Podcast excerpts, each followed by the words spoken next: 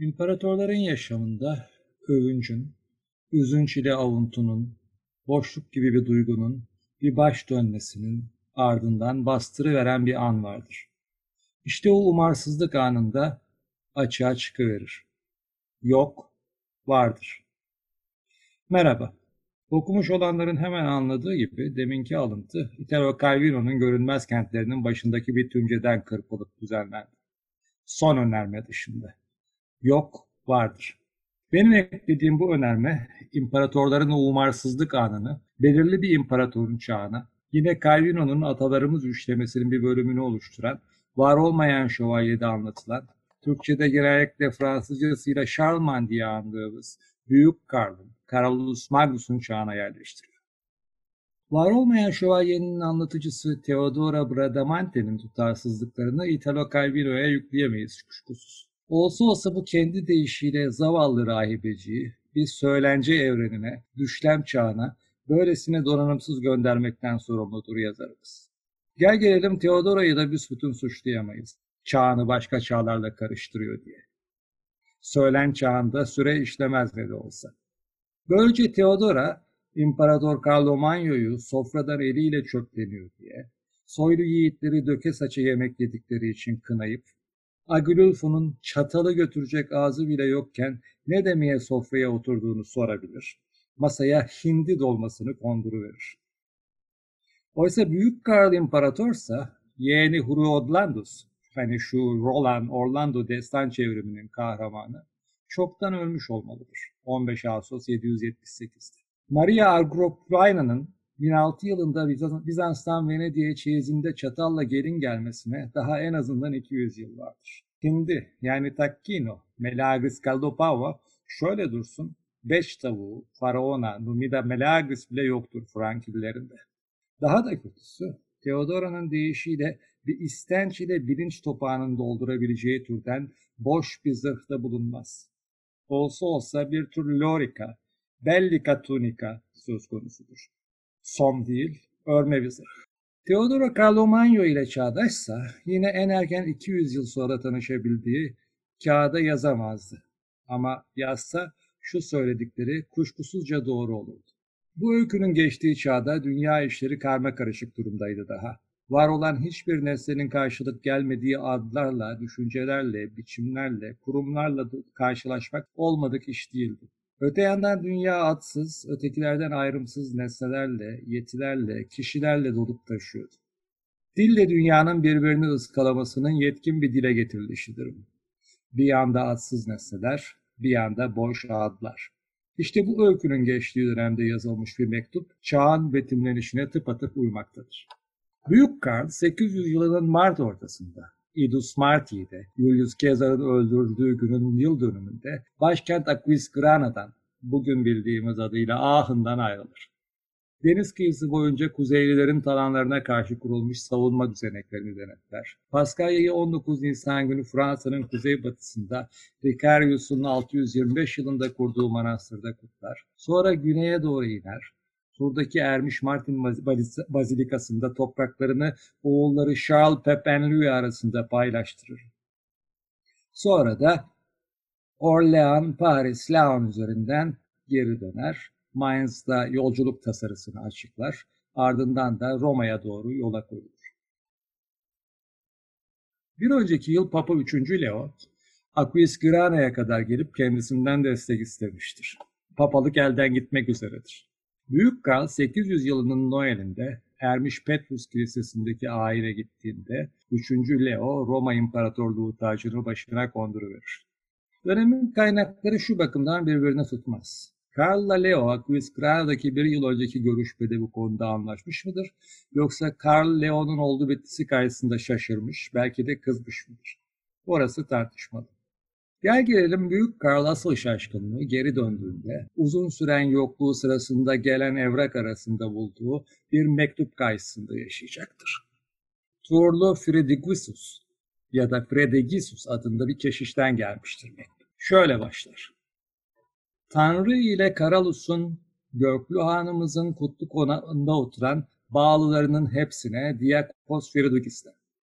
Titiz ölçünmeler, irdelemeler sonunda pek çok kişinin nicedir ortaya attığı ama açıklanması olanaksız bir soru olarak irdelemeden, kurcalamadan bıraktığı yoka ilişkin sorunu ele almaya karar verdi. İçine karışmış görünen önemli çaparızları ayıklayarak bir sonuca, bir açıklamaya vardı. Bulanıklıkları gidererek aydınlığa kavuşturdu. Gelecek bütün çağlardaki ardıllarımızın belleğine sıkı sıkı yerleşsin diye. Şimdi soru şu. Yok bir nesne mi değil?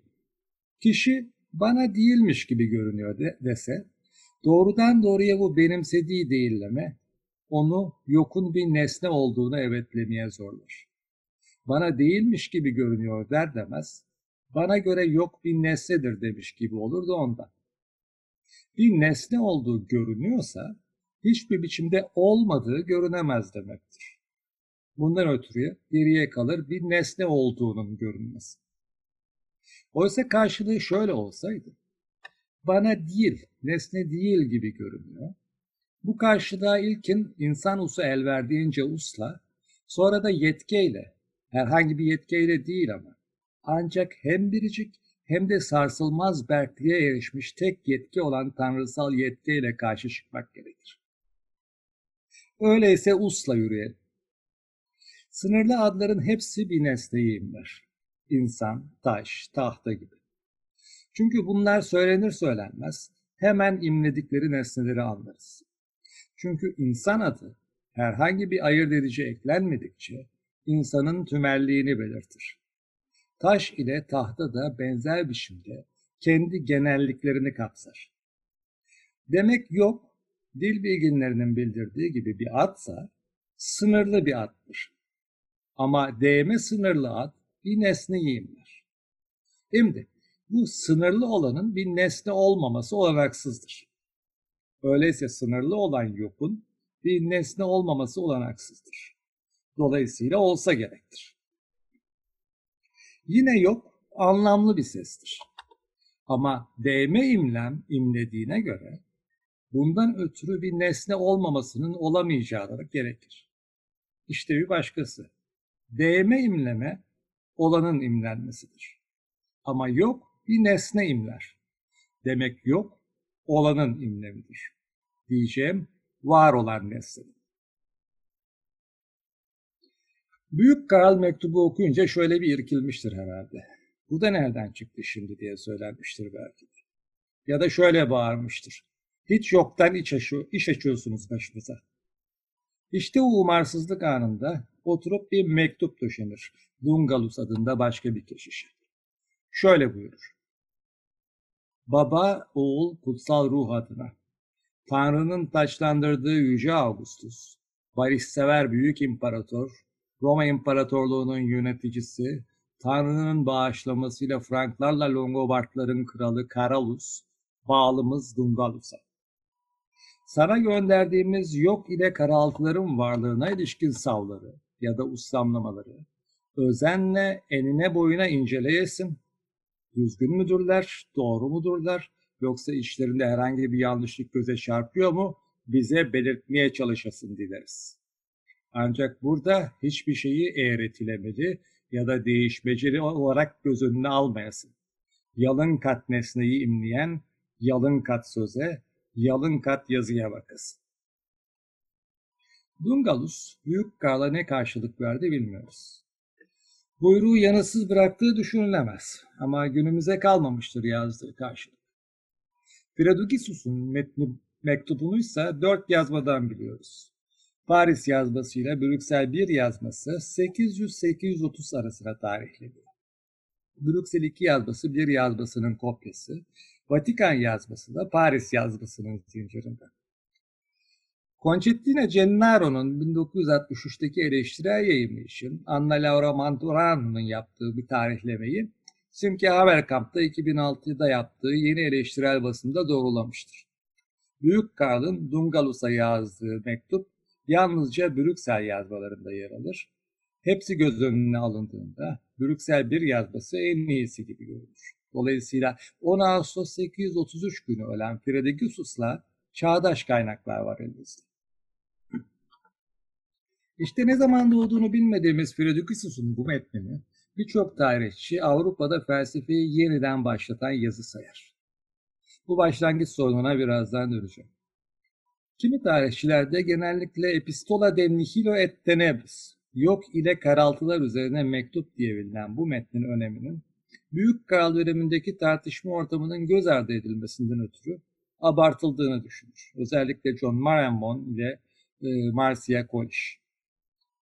İşin iki yönü vardır. Bir yandan evet, elimizde 801-805 arasına tarihleyebileceğimiz Münih kırıntıları vardır. Örneğin Agobardus adlı bir keşişin ruhun bedenden önce var olup olmadığı soru konusunda yine Fridukissus'a çattığı mektup gibi bir takım metinler vardır. Ayrıca Fridukissus'un biraz önce okuduğum mektubunun başlangıcından da bellidir sıkı bir tartışma ortamının olduğu. Ama öte yandan doğrudan doğruya bu metinler bize neyin olmadığını da söyler. Örneğin Münih kırıntıları kategoriye deken 10 yüklem diye bir bölüm içerir. Bir süre Augustinus'un elinden çıktığı sanılmış bir özettir bu. Aristoteles'in kategoriyay, yüklemlerinin bir özeti. Aristoteles konusunda bütün bildikleri budur. Ya Platon, Kalkidius'un 4. yüzyılda yaptığı 53C'ye dek gelen bir Timaios çevirisinin büyük kral çağına tarihlenen bir yazması o kadar. Bildiklerinin hepsi bu. Theodorian 525 yılında Başbakanı Boethius ile kaynatası Symmaus'u öldürtmesinden sonra Avrupa'da neredeyse 300 yıl boyunca felsefe adına yaprak kımıldamaz. Evet, Theodoric'in yazıcısı Cassiodorus'un kurduğu Vivarium yazılması 7. yüzyılın ortasına dek sürer. Ama pek de dolaşımda değildir bunlar. Öncelikle okuyup anlayacak pek az kimse kalmıştır. Büyük Karl okullaşma tasarısını yürürlüğe koyduğunda öğretici bile yoktur ortalıkta. Karl İngiltere'den, York'tan Alcuinus'u çağırır. İngiliz, İrlandalı keşişlerle birlikte 782 yılında Aquisgrana'da Schola Palatina'yı kurar Alcuinus. Fredugisus ile Candidus da bunlar arasındadır. Münih kırıntıları büyük olasılıkla Candidus'un elinden çıkmıştır. Başka Candidus'larla karıştırılmasın. Gerçek adı Vizo olandır. Candidus sarını Alcuinus vermiş ona. Parlak ak demektir başlangıçta. İçi dışı bir anlamını sonradan edinmiştir. Ancak Schola Palatina'nın kuruluşundan sonra işler değişmeye başlar. Yine de dönemin metinlerinin içeriğini büyük ölçüde tanrı bilim sorunları ile çok dar bir bilgiye dayanan azıcık mantık incelemesi oluşturur. Eski Yunan metinleri yoktur ellerinde. Yunanca yazan kilise babalarını bile okuyamazlar. Çünkü Yunanca bilen yoktur. Dönemin bir takım Yunanca ders kitaplarına bakınca nedenli kıt bilgiyle didinildiği anlaşılabilir. Bu bakımdan Filodokisus'un adı ilk kez Alcuinus'un 798'deki bir mektubunda geçen bir papaz yamağının Alcuinus Puer, oğlan diye söz eder kendisinden, mektubu epeyce gürültü koparmış olmalıdır. Ancak ondan aşağı yukarı yarım yüzyıl sonra asıl büyük başlangıç gelecektir. Johannes Scotus Eriugena'nın Yunanca bir başlık taşıyan Perifüzeon, doğa üzerinesi. Eriugena sözcüğünü kendisi uydurmuş. İrlanda doğumlu demek. Scotus da İrlandalı demek olduğuna göre iki kez İrlandalı bu düşünmüş. Vatikan'ın kütüphanecisi Atanasius'u pek şaşırtmıştır. Böyle bir yaban adamı Yunanca bilsin ha demişliği vardır. Doğa üzerine ya da doğanın bölümlenmesi üzerine Perifüzeos merizmu bir nutritor, besleyici ile alumnusu, beslemesi arasında bir konuşmadır. Besleyici daha konuşmanın en başında şöyle der. Ne zaman ruhun kavrayabileceği ya da onun kapsamını aşan şeylerin hepsinin ilk, en üst bölümlenişini olanlarla olmayanlar, ea quae sunt et ea quae non sunt diye düşünsem, bunların tümünün genel adı olarak Yunanca physis, Latince natura diye söylenen söz geliyor Demek Eriugena'nın başlangıcı doğa kavramıdır. Olanla olmayan ancak onun altına girebilir. Burada doğanın ne demek olduğu başka bir öykü. Fredogisus'un mektubunun bir bakıma bu başlangıcı da olanaklı kıldığı düşünülebilir. Ama İrlandalı'nın metnine göre çok hamdır onunki. 50 yıllık bir dönemin sonu arası, sonuyla başı arasında bir uçurum vardır. Yine de bir başlangıç olarak tarih boyunca depreşip duran bir sorunu konu etmesi bakımından mektup öteki başlangıçlara doğru uzanmamızı sağlar. Bir, yandan, bir yandan çağımıza doğru Francisco Suarez'ten Hegel'e dek yeni çağ doğa ötesiyle varlık biliminin başlangıç sorununa, şuul metafiziğin, okulların öğretisinin, varlık bilimin başlaması gereken en üst kavram, ilk kavram hangisi sorusuna doğru evrilir. Öbür yandan geriye doğru felsefenin eski Yunan'daki başlangıçlarından birine geri döner. Bunlardan birincisi Suarez'in, Francisco Suarez'in 1597'de Descartes'in doğumundan bir yıl sonra yayınlanan Disputationes Metaphysices'ine, doğa ötesi tartışmalar ya da incelemelerine dayanır. Kocaman bir dağardır. 19. yüzyıldaki eleştirel Vives basımı 26 metin cildiyle iki dizin cildinden oluşur. İspanyolca dışında başka hiçbir dile bütünü çevrilmemiştir. Nedenle etkili bir dizgeselleştirme olduğu ilk yayınlanışını izleyen 40 yıl içinde 17 kez basılmasından anlaşılabilir. Tüm ortaçağ doğa ötesi birikiminin bir kavramlar sıra düzeni içinde yeniden düşünülmesi, Christian Wolff ile Alexander Baumgarten üzerinden geçerek Kant'ın Saltus'un eleştirisinin tam ortasındaki yok çizelgesine bağlanır. O eşiğe gömülür. Hemen ardından Hegel'in mantık biliminde yeniden düşünülmüş olarak yine metnin en başındaki yerine yerleşir. Hep o varla yok ikilisi. Ne yapacağımızı bilemediğimiz bu iki kavram. Kavranabiliyorlarsa elbet. Oysa Parmenides ata daha en baştan yasaklamıştır bize yoku düşünmeyi. İsa'dan önce 5. yüzyılda.